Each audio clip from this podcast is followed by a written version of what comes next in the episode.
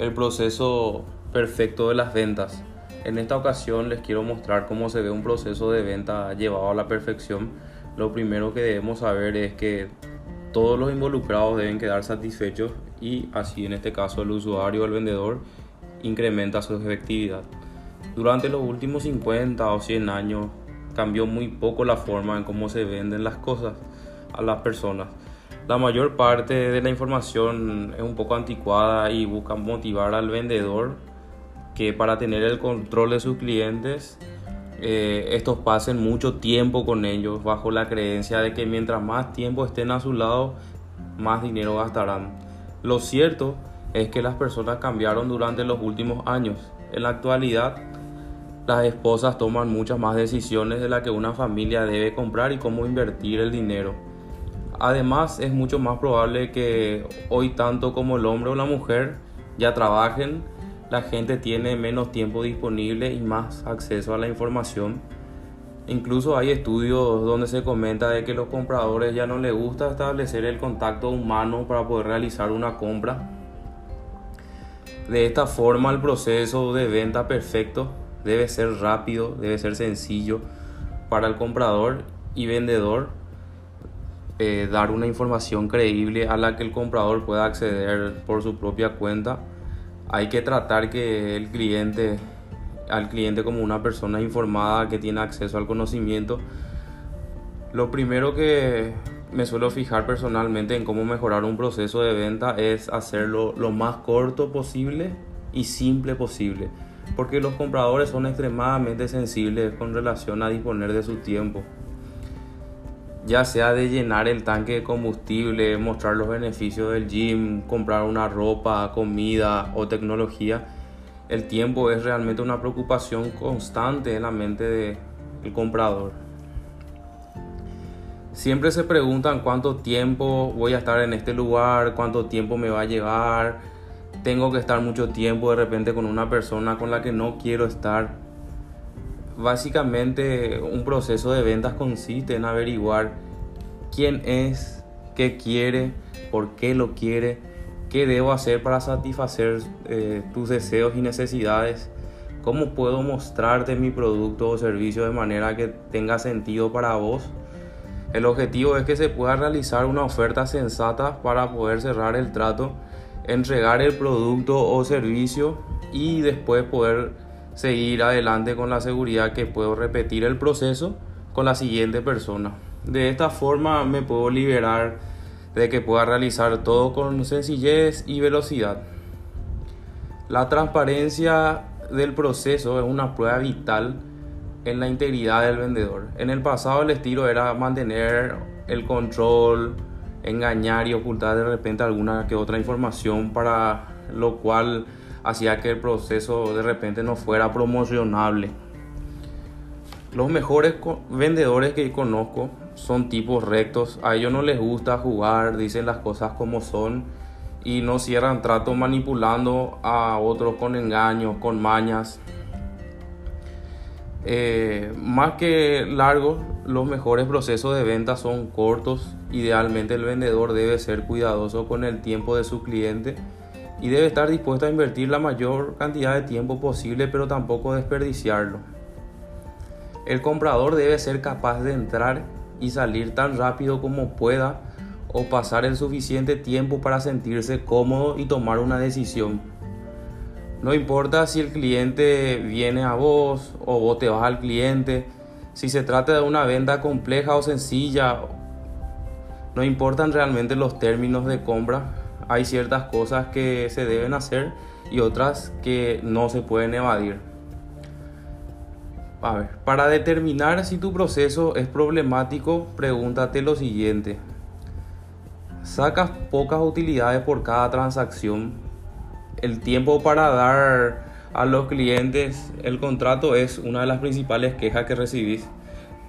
Los clientes muestran resistencia a tu proceso de ventas las empresas y compañías constantemente buscan nuevos vendedores cuando en realidad lo que deberían hacer es pasar más tiempo encontrando de hacer más cómodos y más prácticos los siguientes puntos en este orden. El cliente primeramente, luego el vendedor y la gerencia como último. La mayoría de los procesos se diseñan de manera que satisface de repente las necesidades de la gerencia a pesar de que estos no compran el producto y en la mayoría de los casos tampoco los venden. Un ejemplo de la vieja escuela sería mientras más tiempo pases con tu cliente, tipo más probabilidades va a tener de venderle. Esto realmente ya no es cierto. Mientras más tiempo pases con ellos, seguro de que más tiempo pierden todos. Si el proceso que utilizamos no puede satisfacer a los clientes, empleados de cualquier forma, es seguro que tampoco se pueda satisfacer a los gerentes, presidentes o propietarios por más que ellos lo deseen. No importa que tanto me guste a mí mi nueva Yamaha R1 o cuánto quiero a mi o cuánto quiero que mi hijo aprenda a manejar si él no es capaz de manejarla operarla porque es muy pesada justamente. El caso es que por más que los propietarios o presidentes o gerencias quieren que funcione un sistema, si este no es útil para los clientes y vendedores, simplemente no va a funcionar. Como digo siempre, la pregunta del millón de dólares para evaluar eh, cualquier proceso de venta es, ¿podemos promocionar al público lo que esperamos que la gente haga en nuestra oficina o la reunión que tengamos con ella? Si no podemos responder esto, eh, hay que ver de corregir el proceso de ventas. Los cinco procesos cruciales que se deben atravesar en cada proceso de venta, ya sea que te encuentres con eh, frente al cliente, ya sea que lo realices por llamada, ya sea por WhatsApp o tipo otras aplicaciones de redes sociales, eh, el proceso sería el saludo, luego la determinación de deseos y necesidades, la elección del producto o presentación y descripción de su valor, hacer la oferta y la conclusión de la transacción o salida del cliente.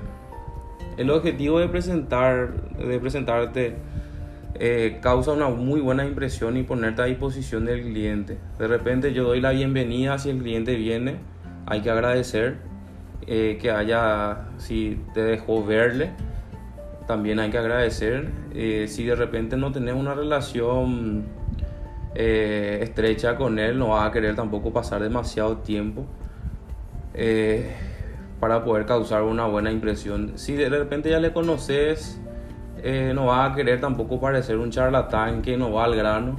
Es imposible olvidarse realmente de este paso. De lo que se trata es de abrir una puerta para convertir el prospecto a un cliente comprador.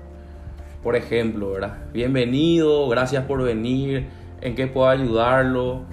Eh, después pasamos los cuatro pasos de determinación que justamente que de deseo, necesidad, a la elección del producto o presentación y descripción de su valor, hacer la oferta y concluir la transacción o salida del cliente, que son justamente los pasos que hablé hace un momento. Es importante que podamos agradecer un ejemplo eh, muchas gracias por dedicar un tiempo para verme. Dígame que hasta el momento eh, puedo hacer para no hacerle perder el tiempo con información que ya conoce. Podría ser una buena pregunta, ¿verdad? Porque justamente nos interesamos por su tiempo. Eh, por ejemplo, podría ser que bueno que pude verlo el día de hoy. y muchas gracias por su tiempo. ¿Qué información de repente necesita para poder aprovechar lo mejor posible su tiempo? Eso despierta también interés, o sea, un interés de nuestra parte por su tiempo. Cada uno de estos, de estos saludos encamina a la gente a decirle que es, que es lo que quiere o que necesita. Después va a tener tiempo para seguir relacionándote con él, volverte también su amigo si es que así permite también de repente el cliente. Después del saludo, el paso 2, determinar los deseos y necesidades hay que determinar los deseos, las necesidades y los por qué. Esto pueden hacer identificar los hechos o consultando directamente al cliente. Incluso cosas con el mismo valor son diferentes cuando la motivación para conseguirlas cambia. Un vaso de agua es un vaso de agua. El vaso cambia cuando que una persona lo desea. Diferentes razones producen diferentes valores y urgencias. Un vaso de agua que quiere uno para poder pasar el último bocado tiene un valor distinto que para otro que le entró ácido en el ojo, por ejemplo, o para calmar la sed de una persona deshidratada. Más que un vaso con agua del grifo, tiene un valor totalmente distinto a un agua embotellada con propiedad alcalina para reducir ya sea la acidez del cuerpo. Recuerda que todas las compras o inversiones se hacen para tratar de resolver algún problema.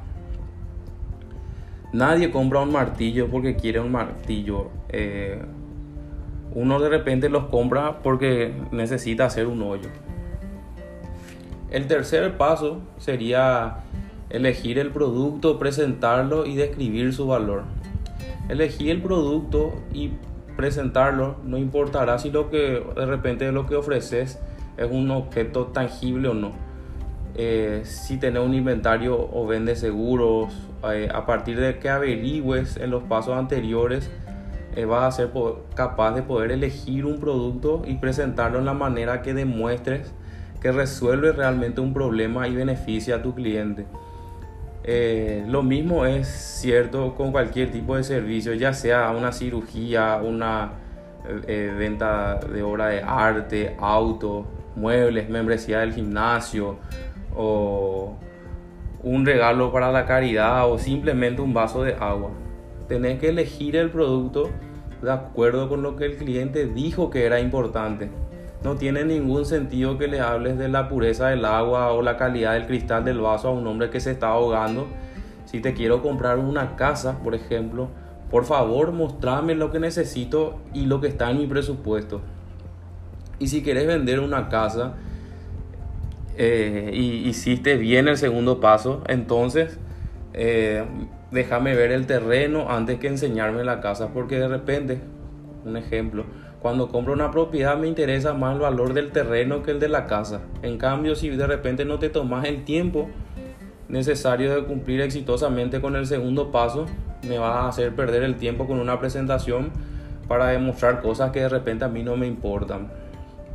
Si un cliente te llama a pedir informes para una casa de 3.000 y pico metros cuadrados, no significa que necesita ver necesariamente los 3.000 metros cuadrados eh, o bajo de la hoja o bajo...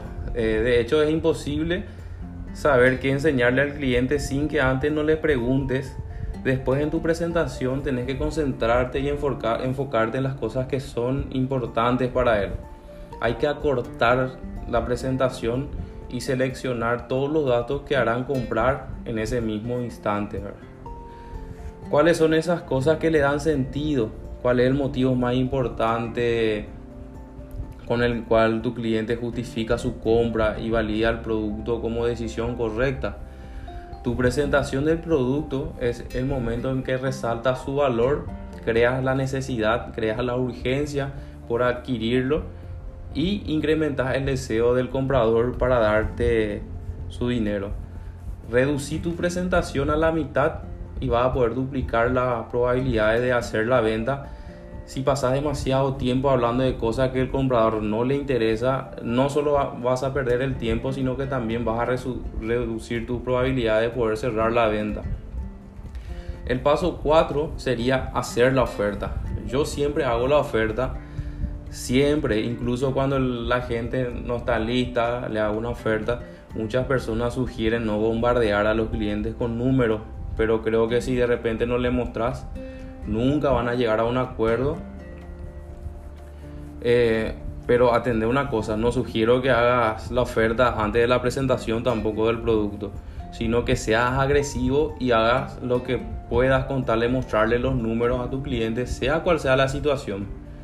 Siempre hay que posicionarse para presentar la oferta.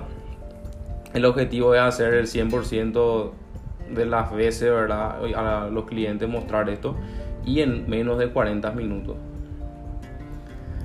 La gente necesita información para tomar una decisión. El paso 5 y el último sería cerrar la venta. Aquí es donde podemos saber qué tan bueno sos. Lo primero es estar listo para cerrar el trato. Eh, hacerlo es todo, hacerlo es todo un arte completamente distinto al de vender Todos nacemos con capacidad de poder vender, pero cerrar un negocio es algo que se debe aprender. Un gran cerrador necesita haber concluido cientos de tratos antes de que siquiera poder soñar considerarse así. Un experto realmente necesita tener un compromiso absoluto para encontrar maneras innovadoras, ya sea de lidiar con cualquier tipo de situación. Las objeciones sobre el precio, sobre el presupuesto, sobre mejores ofertas y cosas semejantes son el tipo de argumento que escuchan tus clientes. Conviértete en un profesional en el que el cierre sea importante, no solo porque es lo que hace falta para vender, sino porque te da confianza en tu habilidad para poder lidiar con las objeciones y problemas, lo cual te, te proporcionará aún más ventas. Un vendedor que no sabe cómo cerrar comenzará a evadir el resto de los pasos y sus necesidades, incluso a tener una mala actitud. En términos más prácticos, ¿Para qué intentar vender si no puedes cerrar el trato? El 100% de tu salario proviene de las ventas que logras cerrar. Es aquí donde sale tu sueldo o tu salario. Aproxímate a esta habilidad como si fuera a conseguir un cinturón negro o el campeonato del mundo.